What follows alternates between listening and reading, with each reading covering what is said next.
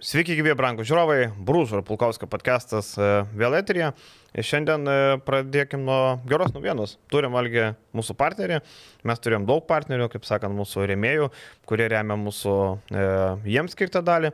O dabar turim ir viešos dalies rėmėją, tai Uniclub Casino and Betting. E, labai džiaugiamės, kad Uniclubas e, prisijungia prie mūsų.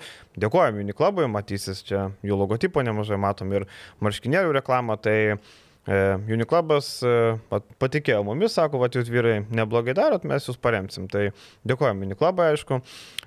Ir mūsų visiems rėmėjim dėkojom. Jūs matysit mūsų laidą be reklamos. Jūs ir taip susimokat. Už tai, tai, kad nematytumėt reklamos. Uniclubas neišėjo į pusnulį, tai dabar mumis tikė, mes kažkaip išnešim šitą logotipą ir šitą, šitą uh, kompaniją rodysim visiems šitą vardą, ar ne?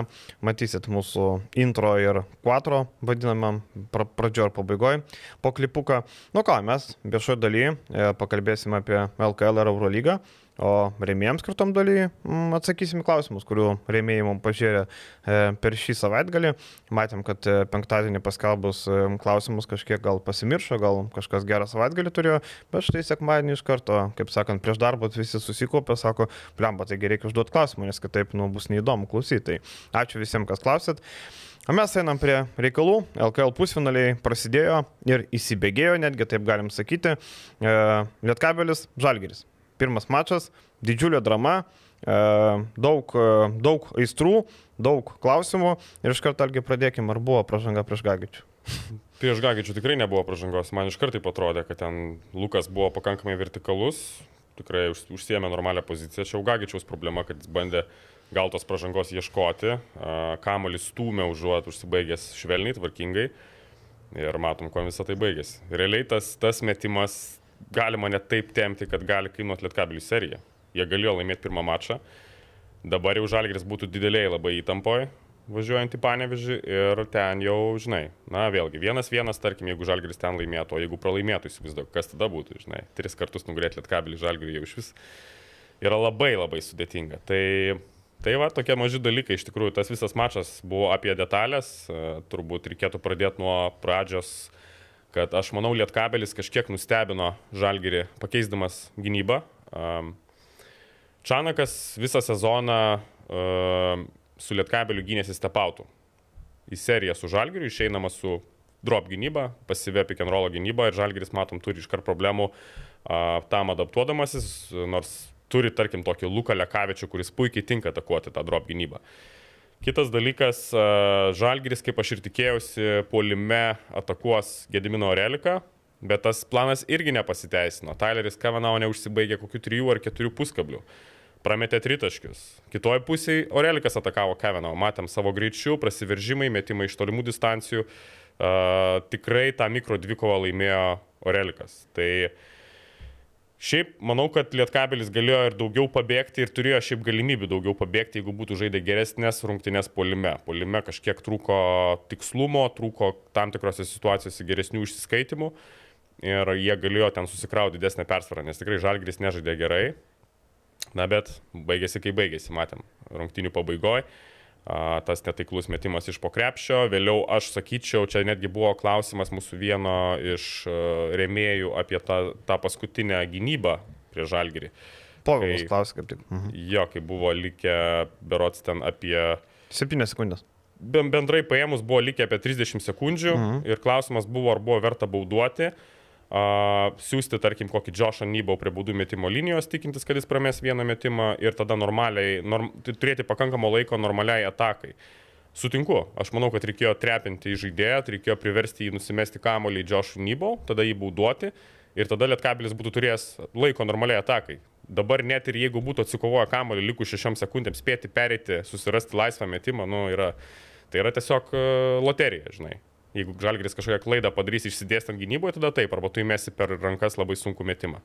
Aš manau, kad reikėjo šiek tiek gudriau sužaisti. Ir čia ir Gagičiai užsibaigti, ir galbūt e, iš tos strateginės pusės reikėjo protingiau sužaisti tą pabaigą. Mm, aš gal e, noriu pradėti nuo to, kad e, Gagičiai turbūt nieko nenutiko ten, jis nikstelio koją ten ant to metalinio, bet žinant Gagičiai, jeigu jam skauda, jisai pradeda gulėti, vartytis ir taip toliau panašu, kad ten nieko nebuvo, jo, kad po to epizodo jisai labai sparčiai nubėgo gynybą, nebuvo taip, kad jisai vieną koją bėgo. E, man labai keista, kai 210 cm centras, 120 kg, taip tokį susilanksti, ten per pusę susilanksti tuo metimo metu. Visiškai. Nesupratau aš to dalyko, reikėjo krausų mėsom, kaip jisai moka tokią bombą, pašoko toks skrendančią bombą tokią. Arba reikėjo Relikui pačiam užsibaigti. E, du prieš vieną. Nu, jo. Krepšinio mokyklos pagrindai. Tu turi užsibaigti tokiuose rungtynėse ir abu žaidėjai yra gerokai aukštesni už, už Lekavičių. Ir sunkesni. Ten, taip, ir ten šansų apsiginti, nu, kaip kaip ir normaliai pasižiūrėjus, nebuvo jokių. Bet, nu, neįmesti per lekavičių, kai tu esi 30 cm aukštesnis žaidėjas, nu, jo, labai, labai nerimtai atrodė manau, kad pelnyti ir pralaimėjo. Reikia tokius dalykus uh, įgyvendinti, reikia užsibaigti, tu negali taip atidavinėti taškų, jeigu nori laimėti prie žalgerį dėl tos pražangos situacijos, tarkim, e, kodėl neprasiženginėjo, man atrodo, vis tiek, jeigu tu būtum prasižengęs, abi baudos taiklios, e, tritaškiui, sukurta ataką iš kitos aikštės pusės, nu, sudėtinga, Žalgris būtų baudavęs. Nu, žalgris nu, būtų baudavęs, bet tu būtum įėjęs į tą baudų žaidimą, taip. okei, okay, buvo 300 sekundžių, ten būtų Žalgris pabaudavęs, tu galbūt vėl būtum pabaudavęs. Ir jo, na, pavyzdžiui, koks Džošas Nybų tikėtina tikrai vieną baudą pramestų. Tikėtina. Jis nėra stabilus metikas nuo baudų metimo linijos, plus yra didelis įtampos momentas. Manau, kad Na, aš, aš tai būčiau rizikavęs. Aš manau, kad jie būtų e, turėję daugiau galimybių laimėti tą pabaigą, nes vis tiek, na, turėti šešias sekundės ir tikė, tikėtis, kad tu ten kažkaip kažką įmesi, tai čia avantūra visiška. E, Lietkabelis e, turi rezervą, mes rašinėjome pirmadienį ryte, pirmadienį vakarę rungtynės. E, tiek Žemaitis, tiek Radyčiavičius absoliučiai nefunkcionavo. Matėm, tu turi du žaidėjus ir rungtinių pabaigą turi sužaisti su antrų numeriu Dovydu Gidraičiu, kuris irgi 25 minutės, bus du taškeliai, bus du metimai. Manau, kad kažkiek jis ne iki galo buvo išnaudotas, manau, kad per mažai jam progų buvo. E, kai tu aikštelį turi Gidraitiną, kurio stiprybė yra prasiveržimai, metimai ir jis du metimus įmeta, tai nežinau, gynyboje jisai neblogai padirbėjo, tarkim, ar ne, bet polime aš galvoju, kad jis galėjo būti geriau išnaudojamas. Aš dar galvoju, kad Žalgeris turi, pagaliau turi tikrai pajėgų perimetro gynėją LKL lygyje. Tais Websteris. Ta pati kalbėjo Kazis Masvytis po rungtynių, gyrė jo gynybą. Aš irgi esu tos nuomonės, kad Tais Websterio didžiausias, uh, geriausias įgūdis yra gynyba. Jis tikrai gali gintis vienas prieš vieną labai gerai ir tikrai manau, kad apsunkino tam pačiam žemaičių gyvenimą ir apskritai apsunkino ta, kai kurias lietkabelio takas įėjimus į tas pirmas fazės, kai reikia žaisti pirmą pick and roll ir ten, sakykime, nunešti kamolį ten, kur reikia ir panašiai. Tai e, tikrai čia yra faktorius ir aišku, ir polime matėm Websteris. Ta, tikrai sužaidė labai sėkmingą atkarpą pirmoje mačo dalyje, realiai leido žalgirių laikytis rungtynėse, laikėsi ant tajus Websterio pečių, žinai. Uh, Um, ir tas, sakau, jo toksai šiek tiek, uh, aš žinai, aš galvoju, kita vertus, tai jo kalnėtis grįžo labai padėjo jam, nes jisai pasistumė į antrą poziciją, ten, kur jisai jaučiasi geriau, jam nebereikia organizuoti atakų, nebereikia valdyti komandos, ko jis nesugeba. Kai jisai valdydavo komandą, darydavo klaidas, kai darydavo klaidas, netekdavo pasitikėjimo savimi visame kame ir gynyboje, ir polime, ir turėdavo sėstis ant suolo, dabar jisai gali žaisti be kamulio, rinkti tik, tik, rūpintis tik taškų rinkimo ar kažkokiu aštrinimu. O gynyboje akivaizdu, kad tikrai treneris jo pasitikė, tikrai jam yra duodamos tos užduotis stabdyti pikenrolus, stabdyti pagrindinius varžovų perimetro žaidėjus ir nu, jis gerai tikrai jaučiasi, jaučiasi, kad patogiai dabar jaučiasi komandoje ir, ir, ir matom, iš karto duoda kažkokį rezultatą. Ir čia turbūt e, Kazys gerai padarė, kaip sakant, bent iš dviejų vienas. Bandė atgaivinti ir Jan ir Websterį. Websterio atveju pavyko atgaivinti, Janis tik tai numirė, e, negražiai sakant, nes nu, jis atrodo blogiau nei atrodė iki ateinant Kacijų, netgi taip galima sakyti. Nors atrodė, kad jau blogiau negali būti, bet Janis vis tiek nuėjo dar žemiau ir matom, kad jis tapo to žaidėjo, kur tu išleidai jį labai, labai riboto minutėm, Neptūno atveju lemiamas rungtynės iš viso, šiukšlių minutėm, su Lietkabeliu čia septynios minutės ir kai tik tai išeina, iš karto durai, iš karto mušo, mušo, mušo. Išėjo, įmetė tritaškį laisvas. Taip. Prašau. Žaidėjas už 400 gerai pataiko tritaškius iš statinių padėčių. Turi žalgeris metiką už, už 400, kuris meta tritaškius. Super.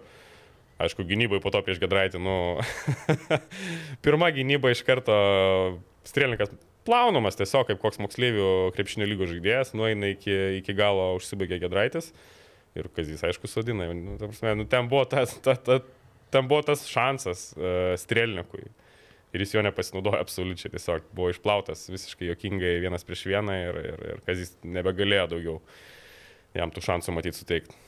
Ir e, šiaip Ulanovą labai trūksta žalgerio. Aš galvoju, būtų Ulanovas, būtų dar, e, dar stipresnis žalgeris, dar daugiau turėtų opcijų polime. E, įdomu, ar spės sugrįžti į seriją kas jis taip mislingai sakė, kad gal spės, bet jeigu, tarkim, serija iki trijų pergalių baigsis 3-0, manau, tai net nebebus. Girdėjau, kiek aš girdėjau, tai tikrai tikimasi, bet jo vėliau nebent, jeigu ten bus ketvirtas, penktas mačas galbūt. A, kitas dalykas, ta trečia pozicija, jie neturėjo Gifajaus irgi. -huh. A, labai jautėsi, kad yra trūkumas trečioje pozicijoje gynyboje. Lukašiūnas tikrai prastai gynėsi, atsiminkim ten Lipkevičiaus prasiveržimą, kai jis vos nenugriuvo ant žemės e, klauzautę. Kitose situacijose irgi jis, jam tiesiog trūksta greičio, trūksta fizinės jėgos, tai manau, kad vien jau Gifajaus buvimas Žalgiriui būtų šiek tiek pridėjęs potencialų gynyboje būtų padėję sustabdyti vieną kitą ataką daugiau, o jeigu dar būtų Ulanovas, aišku, mes kalbėtume visai, visai apie kitą, kitas galimybės ir polime, dar Žalgeris turėtų tą trečią poziciją, kurią galėtų atakuoti Lipkevičių tą patį.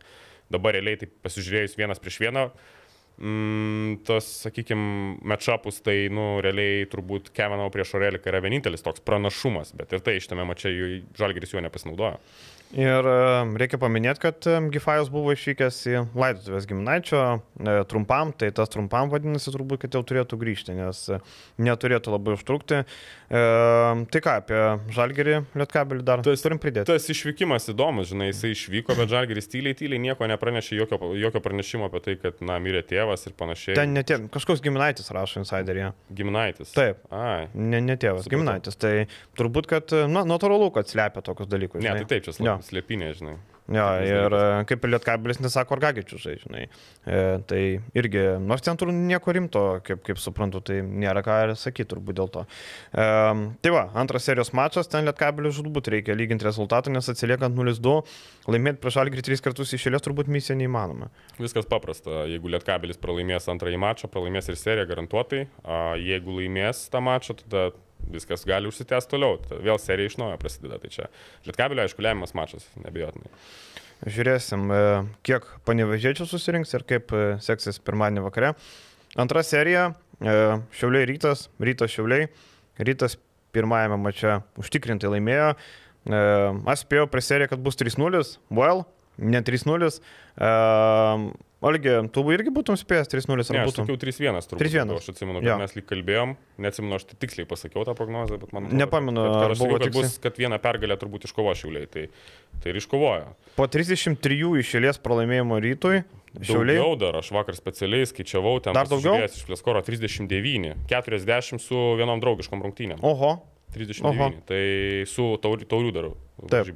Oho. Taip kad, na, serija įspūdinga, nežinau, ar, ar, dar, ar yra tokių kitų serijų LKL. E? Tai ar dar Dzukija buvo, dar daugiau buvo. pralaimėjęs, buvo niekada nelaimėjęs, tai skaičiuoju, kad... Ai, tiksliai, jo. Per atkrintamasis rytas pralaimėjo varžovam, kurie iki tol, na, niekas neprisimena, kada jie buvo jo, laimėję. Jo. Tai čia toks geras sutapimas iš esmės. Jo. jo, tai šiaip man toks įspūdis susidaro, kad Rytas individualiai nėra labai pranašesnis nei Šiauliai, ypatingai, su, ypatingai su Isufa Sanono atvykimu į Šiaulius aš jaučiu, kad jų perimetro linija žymiai pastiprėjo. Sanonas, kad ir koks jis būtų kartais laukinis ir, ir keisto, keistų, sakykime, keisto elgesio ant solelio ir panašiai, bet tai yra labai talentingas žaidėjas. Labai talentingas žaidėjas. Jeigu šiauliai galėtų jį išlaikyti, tai būtų fantastika. Aš manau, kad tai yra Eurolygos potencialo žaidėjas nebejotinai. Jo kūnas, greitis, atletiškumas, kamulio valdymas, pojūtis pat žaidimo, jisai tokias situacijas, jisai taip natūraliai, taip lengvai išeina iš tokių sudėtingų situacijų kartais, kai jį ten nuspaudžia arba jis, arba jis eina į labai um, mažas erdves ir sugeba visai išlaviruoti, kad, kad iš ten išeitų, priema gerus sprendimus, sakyčiau, taip, jisai uh, perskuba kartais, tai čia yra problema viena, bet tarkim, kaip žaidėjas susidūręs, tarkim, su dvigubom gynybom, jis kamolį neblogai nusimeta dažniausiai. Tai čia tik tais yra tas, na, patirties dalykas, manyčiau, jo yra didelis minusas ir galbūt toks karšta galva, žinai. O Vakar... šiaip tai labai, labai tikrai man, man jisai, man jis atrodo iš vis šitoje serijoje žiauriai svarbus ir čia buvo klausimas irgi vieno mūsų rėmėjo, rėmėjo apie X faktorių, tai sutinku, taip, tai gali būti serijos X faktorius, nes Pirmose rungtynėse su Sanonu laikėsi šiauliai pirmoje mačo pusėje, kai jis ten 12 taškų seriją atliko. Antrose rungtynėse tas 21-2 spurtas buvo didelė dalimi įkvėptas būtent Sanono, kai jis pakilo nuo solelio ir ėmėsi iniciatyvos ant savęs. Tai manau, kad jis žiauriai svarbus ir labai pakėlė, labai, pa, labai pridėjo šiaulių perimetro linijai. Dabar jinai tikrai atrodo solidžiai. Ir vakar šiauliai užtikrintai pirmavo, matėm, pradėjo rungtynės minus 11, jau galvojo vienu metu, kad negi bus panašiai kaip Vilniui, bet tada, kai dėjo spurtą, rytas neturėjo ką daryti. Ir ketvirtam kelnyje jau rytas dėjo sportą ir buvo grįžęs į rungtynės. Jeigu dar vienas Smito tritaškis būtų perlaužę rungtynės, bet e, atsilaikė šiauliai. Bet čia reikia pagirti Donatą Sabetskį, kuris parodė lyderystę lemų metu. Sabetskis šį sezoną ne vieną kartą ir mes esam kalbėję, kad su jo sprendimais šiauliai nekartą skendo šį sezoną. Bet e, vakar būtent Sabetskio lyderystė lemiamų metų e, tikrai ištraukė šiaulius ir Sabetskis parodo, kad, e, kad yra LKL geras žaidėjas. Jo, kita vertus, žinai, jeigu tu padarai penkias klaidas iš eilės, tai jau šeštą ataką gali būti, kad tu nesuklys ir sužaisi normaliai. Šiauliai turėjo pergalę savo rankose, bet panašiai kaip uh, pirmose rungtynėse su Jonava, atsiminkim ketvirtfinalyje, taip ir čia tiesiog staiga sustojo žaisti. Visur, ir gynybų, ir polimų. Nu, gynybų dar dar. Uh, bet polime tos klaidos, nu, košmaras buvo, penkios klaidos, neišsime, ne, nesugeba išsimesti kamulio, ten Elmoro perdavimas Sebeskiu, kai jis nesitikė, na, visiškas bardakas ir matėm, kas atsitiko. Rytas greit užbėgo, susimetė iš eilutės lengvai, dar porą tritaškių, Girdžiūnas pataikė vieną, Smithas tos kelis iš susikeitimo ginamaisiais buvo labai svarbus tritaškiai. Nu, čia klasikinis Smithas ėmėsi iniciatyvos ir, ir galėjo tikrai vėl timtelt rytą į pergalę, bet nepataikė po to trečiojo. Ir, bet, na, sakau, bendrai paėmus, žinai, aš galvoju, yra taip. Šiauliai tikrai didelį darbą atlieka stabdydami buvą, ypatingai antrose rungtynėse 8 taškai. Jie labai susispaudžia, susitelkia į buvą, pirmiausia, Frantina neleidžia jam priimti kamulio baudos aikštelį žaisti vienas prieš vieną, tada jeigu kamuolys siunčiamas, visi susispaudžia ir šiaip labai didelis dėmesys ant jo, kas atveria galimybės metikams. Jie rizikuoja su Butkevičiam, rizikuoja kažkiek su Radzevičiam, su kitais tokiais neįtin stabiliais metikais. Pirmose, pirmose rungtynėse rytas pataikė 16 tritaškių iš 38, antrose rungtynėse pataikė 11 iš 34 ir pralaimėjo. Tai manau, kad čia visa esmė yra. Ar rytas pataikys tritaškius, jeigu pataikys tritaškius, tada laimės e, likusius du mačius ir serija pasibaigs 3-1. Jeigu bus vėl mačas, kuriame jie nepataikys tritaškių, tada serija gali nusitemti iki penkių rungtynių. Čia viskas yra apie ryto pataikytus tritaškius. Jie meta daugiau tritaškių negu dvitaškių, kas rodo šiaulių riziką, kas rodo šiaulių gynybinį planą. Ir jeigu rytas sulūž tame gynybinėme plane, panašiai kaip Barcelona žaisdama su Bayernu, tada šitą seriją gali nustemti iki penkių rungtynių. Ir uh tarkim, vakar e, vėl daug kas kritikavo Vaido Kariniausko žaidimą. E, pastaruoju metu, na ne pastaruoju, visą sezoną matom, kad e, Vaidas turbūt nepateisina apie tai, ką mes galvojom, ką mes kalbėjom. Tu irgi dar prieš kokį mėnesį sakė, kad nepasiliktom Vaido komandoje, ne, ne? Jo, ir vakar šiaip tas jo įėjimas buvo toks, būtent su jo aikštelį komanda pavyko artėti, taip toliau, bet iš esmės, iš esmės turi spręsti problemas. Žibienas, matom, tarsi ryto rotacija didesnė, bet tie kūnai aikštelė, nu kiek duoda, kai jis sugeba pražangų prisirinkti, per minutę ir 4 sekundės dvi pražangos visiškai nefunkcionuoja. Laisneris 11 minučių 0, kaip sako mūsų bičiulis. Tada toliau Uliackas pasimetęs. Pirmose rungtynėse gerai atrodė vakar, nelabai. Karniauską jau kalbėjom. Tai realiai tu turi Williams ar Girdžiūną, kurie dar gali kažką duoti, nors vakar Girdžiūnas irgi vienas iš penkių. Nu, aš sakau, nekrito tritaškai. Girdžiūnas turėjo gerų progų, tikrai gerų metimų. Rytas tikrai gerai kamolį iš, išvaikšto prieš Šiaulius tepautus, meta daug laisvų tritaškių, vakar nepataikė. Uh, Kariniauskas, sakai, vakar neblogai, taip, neblogai paskutinį atkarpojo, trečias įėjimas, tik trečiajame įėjime į aikštelę žaidė neblogai, šiek tiek tikrai gana neblogai sukontroliavo komandą. Pirmas įėjimas buvo košmaras. Pirmas įėjimas Vaido Karniausko buvo tragedija, kai jis taip žaidė, tai rytas ir griuvo tada. Visiškai atakos užstrigo, prasidėjo klaidos, prasidėjo tas kamulio minkimas valandą, kol, kol ten po to lieka šešios sekundės kažką dar pabandys sureksti, ten kažką, kažkokį metimą susirasti. Tai yra Man jis toks seneliukas, kažkokiu tokiu, nežinau, toks pakumpęs, toks lietai, lietai, viskas dviem pavarom lėčiau žaidžia negu visi kiti, toks, na, nubaisiai, viskas pasilietai yra. Ir kai jisai žaidžia prieš tą patį Jusufą Sanoną nuo suolo, žinai, man Jusufas Sanonas atrodo geresnis žaidėjas negu Kariniauskas. Taip, Kariniauskas turi didesnę patirtį, bet Sanonas gali tau nueiti vienas prieš vieną sužaisti, įmesti sudėtingą metimą, gali patemti spurtui, visiškai kita energija, kita motivacija atrodo aikštelį.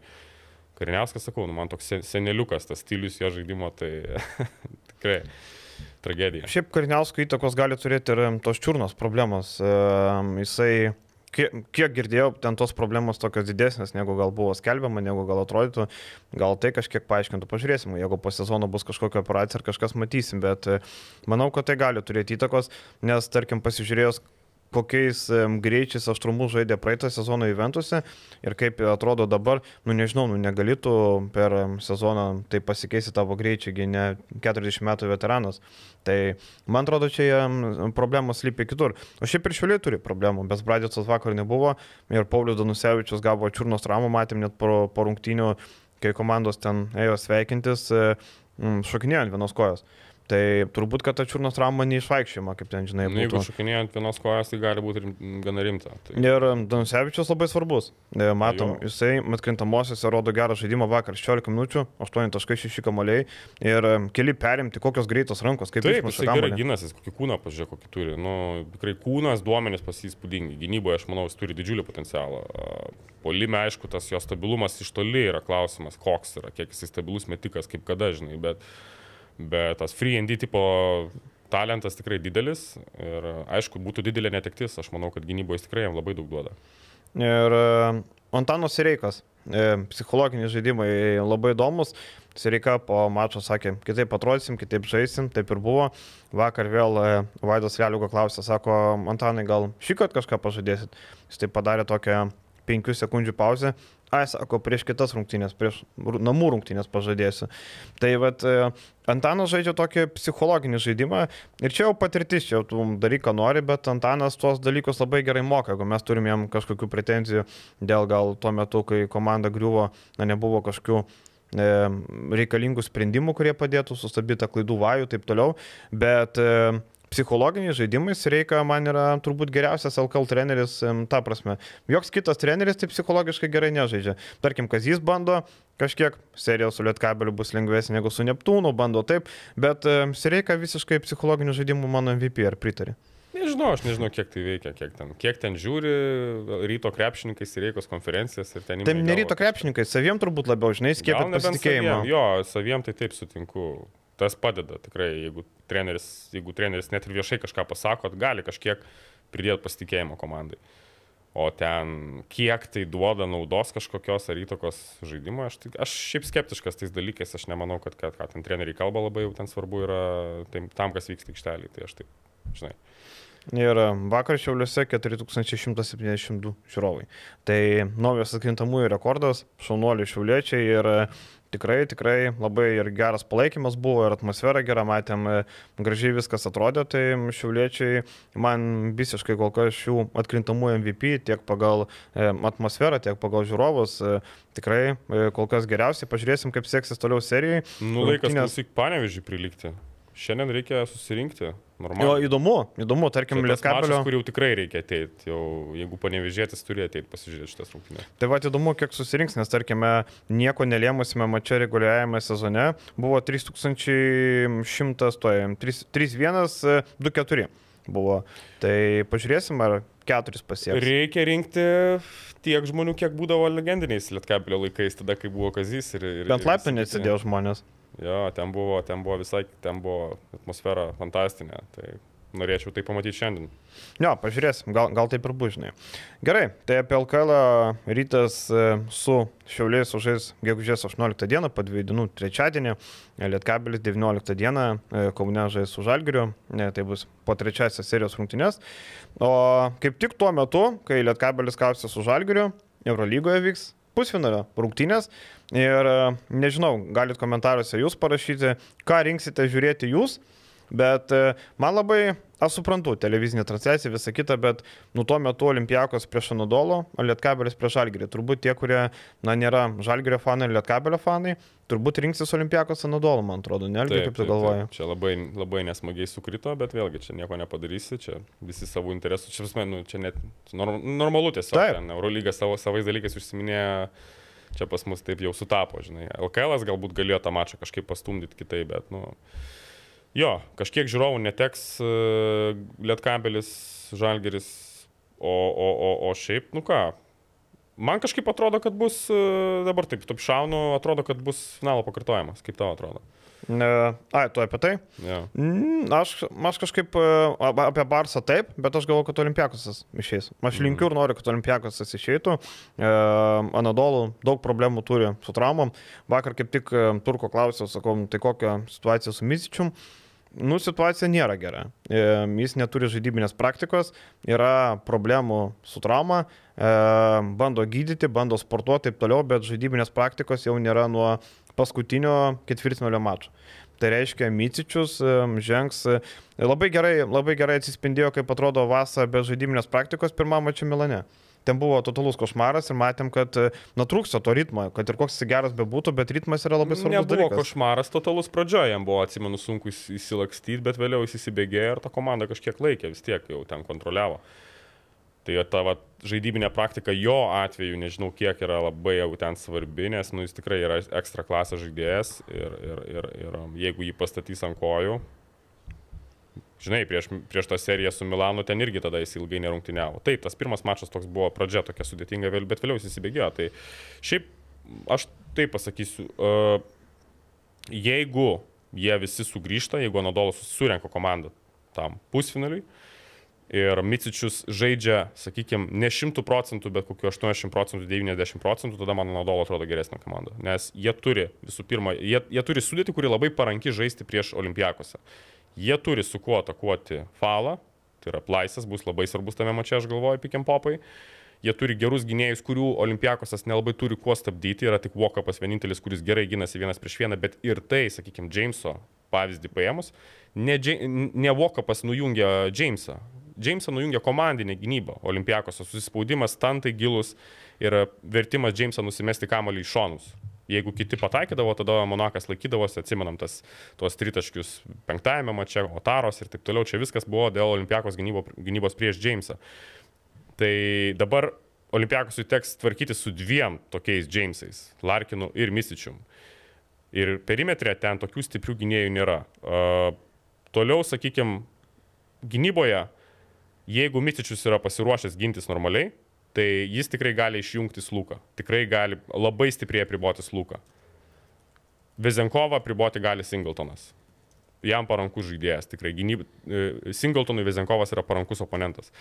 Tai taip, kad taip sudėliojus per tas pozicijas, man atrodo, kad Anadolu tiesiog turi labai tinkamą komandą žaisti prieš Olimpiakusą. Ir manau, kad jie, jeigu jie sveiki, jeigu jie pasiruošę, jie turėtų eiti į finalą. E, Anadolu atvyksta į finalinį ketvirtą, na, po pralaimėjimo Pinar Karšiakai, ketvirtfinalėje išvykoje šešiais taškais pralaimėta. e, 8-29 tritaškai turbūt lemiamas faktorius, kodėl pralaimėjo Anadolu. Aišku, nebuvo Micos, nebuvo Boboa, apie Boboa. Simono, Mormono. Taip, e, nebuvo. E, Jo, Mormanas e, irgi yra traumuotas, bet ten nestipriai. Simonas ir Boboa turbūt nežais. Arba bandys ant vaistų, bet... Nu, sako, yra- kad juos bando prikelinėti. Jo. Jų tikslas ir yra prikelti iš to žaidėjus finalo ketvirtui. Bet aš nežinau, kiek žaidėjas- pabandys. Nu. Mormanas, tarkim, žaidė daug, viskas ok, bet Boboa netgi ketvirtfinalėje praleido, tai Jo, jo. daug. Ne, Tai šiaip, šiaip čia, sakau, čia svarbus faktas. pastatys komandą, nežaid, kur daug žaidėjų nežaidė ilgą laiką ir dar su vaistais. Nusakau, labai didelis klaustukas yra, kokia bus Anadolo sveikata. Jeigu, aišku, bus problemų su, su sveikata tiem žaidėjim, jeigu, pavyzdžiui, Misičius bus nepasiruošęs visiškai, tada, man, tai tada, aišku, Olimpiakosas yra favoritas to mačo. Bet, bet jeigu jie pasiruošę, jeigu jie ten normaliai sustovės, tai tada, nu, man seka, Anadolo atrodo geresnė komanda. Jo, ir čia atsimušame tai, kad, e, tarkim, Anadolo na, neturi tokių, tokios geros pamainos, nu, nėra ko pakeisti, nei Boboa nuo suolo, ten Tunčeras išėjęs aikštė vargu ir finaliam ketvirtą duos naudos. suolas tikrai geresnis Olimpijakos. Ir manau, kad šitame mače vėlgi jis bus labai svarbus. Tarkim, jeigu tie tuos penketukus vieno prie kito pastačius, tai, na, Anadolo, aišku, turi geresnį, daugiau talento turbūt. Tai suolas Olimpijakose tikrai geresnis yra. Makisikas tas pats, ten kiti žaidėjai ir, ir galop tokie žaidėjai kaip Vokapas turi vėlgi pataikyti tritaškius, nes aišku, Anadolo rizikuot su tais metimais. Tai manau, kad tie pagalbiniai antriniai žaidėjai bus labai svarbus Olimpijakos, jų žaidimas, jų pasirodymas. Ir Olimpiakosas šiaip e, labai gerai ruošiasi rungtiniam finaliniam ketvirtį, tarkim, pastarosiuose rungtynėse ten laimėjo 26 taškais, bet ne apie tai, tiesiog apie rotacijas, kaip vėl Saša Vezinkovo 25 minutės, e, Papa Nikolau 24, na tai buvo ruošimas, apžaidinėjama taip, kaip reikia, mačiau iškarpas ir buvo e, koncentracija ir Barcokas nemažai pastabų turėjo žaidėjim, na matėsi, kad tai buvo ne šiaip išėjo pasižais, o išėjo tokią generalinę repeticiją surenkti. Tolim Olimpiakosas e, pasiruošęs žaisti. Olimpiakosas, Quincy Eis irgi gavo pabėgioti, kuris, e, na, šiaip negauna pabėgioti beveik, bet finaliniam ketvirtį turbūt vargiai, vargiai gaus pasireikš. Man įdomu dėl Eisi, tarkim, aš manau, kad Eisi daugiau duotų naudos nei printezis nuo suolo. Bet matom, kad... Žinai, vat... printezis patirtis, visa kita klubo, klubo simbolis. Aš nežinau, žinai, gal... gal... Bartokas gal geriau mato treniruotėse, kaip turbūt, turbūt. Aš jo, net, aš jo nematęs nuo Makabį laikų realiai žaidžiančių turbūt. Telgi tavo spėjimas yra, kad e, Anadolu eina į finalą. Su sąlyga, su dideliu tuo asteriksu, žinai, jeigu, jeigu ten viskas gerai su sveikata, daugiau mažiau bus. Jeigu bus misičius, jeigu nebus kažkaip, pavyzdžiui, nebus misičiaus, tai garantuoju, tada man aišku, olimpiakosas. Bet, nu, nes misičius yra labai svarbus žaidėjas. Tas pats, tarkim, Bauba irgi, jeigu jo nebus, jeigu Simono nebus, su sąlyga, kad jie yra sveiki Anadolu. Gerai, kita para - Realas prieš Barsą, Barsą prieš Realą. Ir čia Realas ateina Na, ateina neblogos formos. Iš eilės laimėjo daugybę mačų. E, pasižiūrėsim, kiek tiksliai, bet Realas e, matėm prieš ketvirtinulio seriją, kalbėjom, kad na, turi problemų, kaip čia bus, kaip čia kas, bet nuo to laiko Realas nieko nepralaimė, yra geros formos, bet Barcelona, o Barcelona kaip tik nuo to laiko matom ir turėjo problemų ketvirtfinalyje, ir Ispanijos lygoje turėjo šiokių tokių problemų dar prieš tai ir turėjo gelbėtis rungtynėse su Kačino komanda, bet geros naujienos Barsai, tiek Higginsas, tiek Dante Eksumas grįžo. Dante Eksumas grįžo, pastarosiuose rungtynėse žaidė daug minučių. Ir panašu, kad Šaras turi visus ginklus savo, visus peilius. Dėl Higginso įdomu, nežaidė su Manresais. Uh mhm. -huh. Tai įdomu, kaip ten yra. Gal, žinai, šiek tiek taupo, gal vis tiek dar nėra iki galo šimtų procentų pasiruošęs, šiek tiek įsaugoja. Bet būtent tai, kad Higginsas grįžo ir Egzumas yra sudėtyje, tai vėlgi įrodo, nu, vėlgi man pasižiūrėjus į tą praeitį tų, tų abiejų komandų susitikimų šį sezoną, tai Barça 5-1 bendra serija, turi dabar Higginsą, ko neturėjo anksčiau, sakykime, sezono įgoje man atrodo, kad irgi jie turi kaip ir visus ginklus, kad testų tą seriją, kad laimėtų ir tą pusfinalį. Dabar Realas, primena, jeigu atsiminsim sezono pradžioje, Realas buvo tokia gynybinė komanda, kuri ten praleisdavo po šiam taškui, įmesdavo šiam 5, 70, žinai. Dabar jie meta, nu, žiūri Ispanijos lygui ten apie 90 laiką, bet ir praleidžia apie 80 ir toks greitas, e, kažkiek tas madridietiškas krepšinis, kokį mes atsimenam iš, iš tų ankstesnių metų, kaip Realas žaisdavo. Ir tas dabar irgi bandoma, matosi, įdė kažkiek tas stilius pasikeitė jų nuo sezono pradžios. Tai čia įdomu, nes, nes Barsa, nes, na, vėlgi, pasižiūrėjus jų tų dviejų komandų akistatas, re, e, Realas tikrai galėdavo rinkti taškus, rasdavo galimybę prieš Barsos gynybą. Mm, įdomu bus, kaip uh, Realas kursis pranašumus, nes jeigu atsiminsim seriją su Makabi, vėlgi, jie turėjo didžiulę persvarą priekiniai linijai iš ten daug tritaškių susikurdavo, rinkdavo kamuolius polime, atsiminkim Paurė, ten tą ant kvotų kamuolių polime pasirodymą. Tai ten buvo aiškus pranašumas. Dabar šitoje serijoje, serijoje šitame mače uh, Realas tokios persvaros, manau, priekyje neturi. Gynėjų grandyje man vis dėlto Barsa atrodo geresnė. Taip kad aš sakau, viską taip sudėliojus, aš, aš kažkaip vis tiek labiau linkstu prie Barsos. Na, aš irgi. Ir Šaras turbūt pirmą kartą šį sezoną turės visus visus žaidėjus. Tarkim, sezono pradžioje nebuvo Brinėso, po to Higginso nebuvo, dar problemos. Dabar e, visi peiliai lentynų yra ir aš irgi manau, kad Barcelona turėtų paimti, juolab, kad e, matom, Šaras, kai žaidžia prieš Realą, na visai ką pranoks Salaso ir taktiškai, ir visais kitais aspektais. Tai gal šiek tiek neramina tas, kad Barça per daug kartų prieš Realą šį sezoną laimėjo, žinai, tas 5-1, kaip tu sakai, ir tos reguliaraus sezono rungtynės pastarosios, kurie atrodė, kad, na, Galėjo, geriau jau būtų pralaimėję, man atrodo, būtų naudingiau, ten nebūtų jokio skirtumo. Vis tiek tie dalykai nekoreliuoja čia. Ne, nekoreliuoja. Tai, Šiaip, tokia, žinai, pagal tikimybę teoriją, vien kai susitinka dvi tokios komandos, na, laimėti šešis į septynių kartų jau, nu, bet, jau atrodo big. kad tas praeitas mačas nekoreliuoja su šito maču. Taip, niekaip, taip, taip. taip. Teorija kaip ir nelabai veikia, žinai. Tai pasižiūrėkim, Taip, pasižiūrėkime tos, pasakau, ką mes galim pažiūrėti, dabar turim tas rungtynes ir apie jas reikia tik ir kalbėti, aš nemanau, kad reikia žvalgytis į praeitį, mm. ten, žinai, kiek kas prieš ką laimėjo, tai, tai neturi jokios prasmės. kaip tu ir gerai sakai, žinai, vienas iš momentų, kas man irgi atrodo labai svarbu, kad Šaras žino, kaip prieš Laso žaisti. Istoriškai visą laiką žino Laso silpnybės, žino Laso tendencijas rungtynių metu, ką jisai darys, kokius keitimus darys, kokie, kokius sprendimus polime ir gynyboje darys. Ir Šaras tos dalykus labai gerai žino ir labai dažnai išnaudoja savo naudai. Tai man šitą irgi mikro dvikova atrodo Barsus, Barsus pusėje. E, kai vienas žmogus sakė, Šaras žaisdamas su realu e, daro ėjimus, provokuodamas Laso daryti kitus ėjimus, kad galėtų išnaudoti kažkokius panašumus. Taip, taip atsiminkim, su Žalgiriu taip ir būdavo daugiau mažiau. Jo, jisai, jisai, jisai, jisai apžaidinėdavo Lasą tais laikais ir šį sezoną irgi. Tai manau, kad sakau, čia yra aiškus pranašumas Barcelonas. Ir tam pusfinalį tarkim, Brendono Deiviso faktorius, manau, irgi turėtų būti didelis. E, ar sugebės jis e, tavarės ištraukti, ar sugebės tos vidutinius sumest. Atsimenam, e, lemiamose rungtynėse, kai Žalgiriui reikėjo pergalės, kad patektų į atkrintamasias, Deiviso metimai vidutinį išvedė Žalgirį neatkrintamasias. Pažiūrėsim, bus labai įdomu šiaip pamatysim. E, įdomu, už ką sirgs e, sirgaliai neutralus, nes ten olimpijakose dauguma, kiti, kiti ten pasidalins, kažkiek Barsos, kažkiek Realo. Įdomu, kaip reaguos ta publika mm. Serbijos. Dar grįžtant šiek tiek prie tų taktinių dalykų, aš dabar prisiminiau, žiūrėjau tas rungtynes, jų tą pastarąjį susitikimą Ispanijos pirminybėse. Svarbus bus ir Šanlis. Ten Barsa labai daug žaisdavo uh, į penktos pozicijos metimą. Iš esmės plėsdavo aikštelę labai taip moderniai, žinai, pikiam popai. Plačiai visi ir, na, Šanlis, jeigu pataiko tritaškius, tada jau realas turi labai rimtų problemų. Tai manau, kad jo, jie bandys atakuoti tavarės, aišku, su savo dideliais žmonėm jų metimu. Įdomu, kaip seksis. Ir ką, baigiant turbūt viešą dalį, būtų nuodėmė nepaminėti, kad Ispanijos lygoje, na, galima sakyti, netikėta, iškrito dvi komandos, kurios žaidė tarptautinėse turnyruose. Viena buvo Lietkabelio varžovė, kita buvo Ryto varžovė. Šiaip e, didelis, e, didelis krachas, kai komanda Eurocapė nueina iki pusfinalio ir krenta iš Ispanijos lygos. E, labai, šiaip gaila Andoros, visai simpatiška to komanda, bet matom, kad nusivažiavo visiškai. O Burgosas du kartai išėlės čempionų lygą laimėjęs, krenta į antrą lygą. Ir ten Burgoso prezidento toksai žingsnis visiems liep priklopti ant vieno kelio na, buvo šiok, šiokia tokia sensacija, kaip sakant, niekad, nieko panašaus niekas nėra matęs. Toks įdomus gestas, atsiprašyti vietos ir galių, taip toliau, e, bet nei Burgoso, nei Andoros kitą sezoną nebus. E, Ispanijos lygoje. Dar kartą rodo, kokia tai stipri lyga. Dar aišku, iš ispaniško akcentų labai gražiai atrodė, kai Džananas Musa atsijėmė apdovanojimą iš brolio rankų. Netikėtai atvykęs jo brolis Dženis Musa įteikė tą prizą.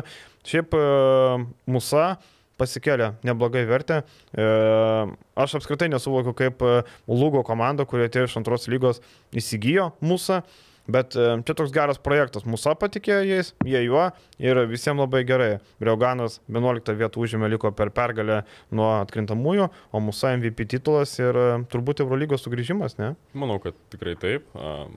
Tas projektas mūsų yra labai parankus, manau tiem, kurie iškrenta iš Eurolygos, nueiti žaisti Ispanijos vidutiniokai stiprios e, nacionalinės lygos, kurią žiūri dauguma, tiksliau visi žiūri Eurolygoje, visi ten, sakykime, menedžeriai, skautai, jie žiūri visi Ispanijos lygą, Turkijos lygą ir nueiti to, į tokios lygos vidutinioką ir ten sužaisti labai gerą sezoną yra labai geras sprendimas, nes vėl tu sužaidi puikiai, vėl tu parodai, ten, žinai, turi labai gerus skaičius ir vėl apie tai visi kalba kaip apie Eurolygos žaidėją. Tai mūsų tą ir padarė. Manau, kad taip, jisai tikrai žais Eurolygoje. Vienas dalykas, manau, kodėl juo nelabai tikėjo, galbūt kitos Eurolygos komandos, tai yra tam, tam tikri charakterio niuansai, bet manau, šansais tikrai gaus. O, o, o, o šiaip bendrai pasižiūrėjus jo, Burgosą matyti iškrentantį labai keista, nes aš atsimenu prieš keletą metų aš tikrai daug žiūrėdavau tos čempionų lygos ir jų žaidimas visą laiką buvo toks labai labai kokybiškas. Jie turėjo tikrai stiprią sudėtį, um, Benitė, atsimenu, būdavo fantastinis metikas, vienas geriausių čempionų lygos žaidėjų. Ir dabar tu matai juos iškretančius iš Ispanijos pirmenybių, tai keista. Bet manau, kad čia yra pasiekmė vėlgi labai drastiškų sprendimų vasarą. Jie labai kardinaliai pakeitė savo filosofiją žaidimo. Jie tapo tokia labai perimetro komanda ir, ir, ir kažkiek manau, kad nesusirinko pakankamai paėgių žaidėjų, galbūt kai kurių veteranų reikėjo atsisakyti, reikėjo galbūt jaunesnių žaidėjų ir matom dabar to išdavą. Ir Juanas Penaroja išėjo ir matom subirėjo. Tai buvo E, geras treneris, matom, Valencijai puikiai pritapo ir net pratėsi kontraktus. Irgi geras pastebėjimas, jo, jie nerado kito trenerio, geros pamainos Penroj, jie pabandė su vienu, su kitu ir nei vienas iš esmės kažko labai ir nepakeitė. Jo, iš antros lygos e, greičiausiai kils Granada ir Madrido studentas. Tai yra dvi komandos, viena iš jų turi Davidą Gedraitį, tai turbūt teks grįžti į studentis komandą. Na, tas teks grįžti, skamba kaip į kokią, žinai, lažą atlikti, bet ne, Ispanijos lygos žais Madride, fantastika. Fantastika. Čia... Po tokio sezono jis turės svarbų vaidmenį, aš manau, kaip, Europo, kaip Europos turės žaidėjas, tikrai, manau, gali tikėti starto penketo vaidmens ir, žinai, Ispanijos lygoje žaisti starto penketą bet kurioje komandoje yra labai gerai. Nes tu gali, sakau, pasidaryti karjerą. Geras sezonas tau, tau realiai nutiestų, paklotų plytelės visai karjerai. Ir vakar Brendono Polo įstojimas Twitter'yje apie Veidą Baldviną labai patvirtina tavo žodžius, kad tu sakėjai apie jo charakterį, apie jo e, visą būdą.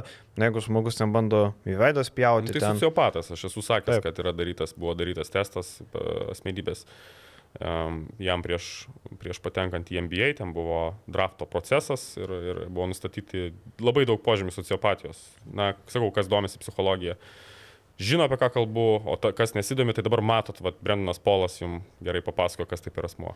Ir žalgariui kuo toliau nuo tokių veikėjų reikia bėgti, jam nereikia mokėti nei bet 700, komandai, nei 800. Bet kokiai komandai turėti tokį asmenį su tokiu sutrikimu yra didelis, didelis pavojus labai.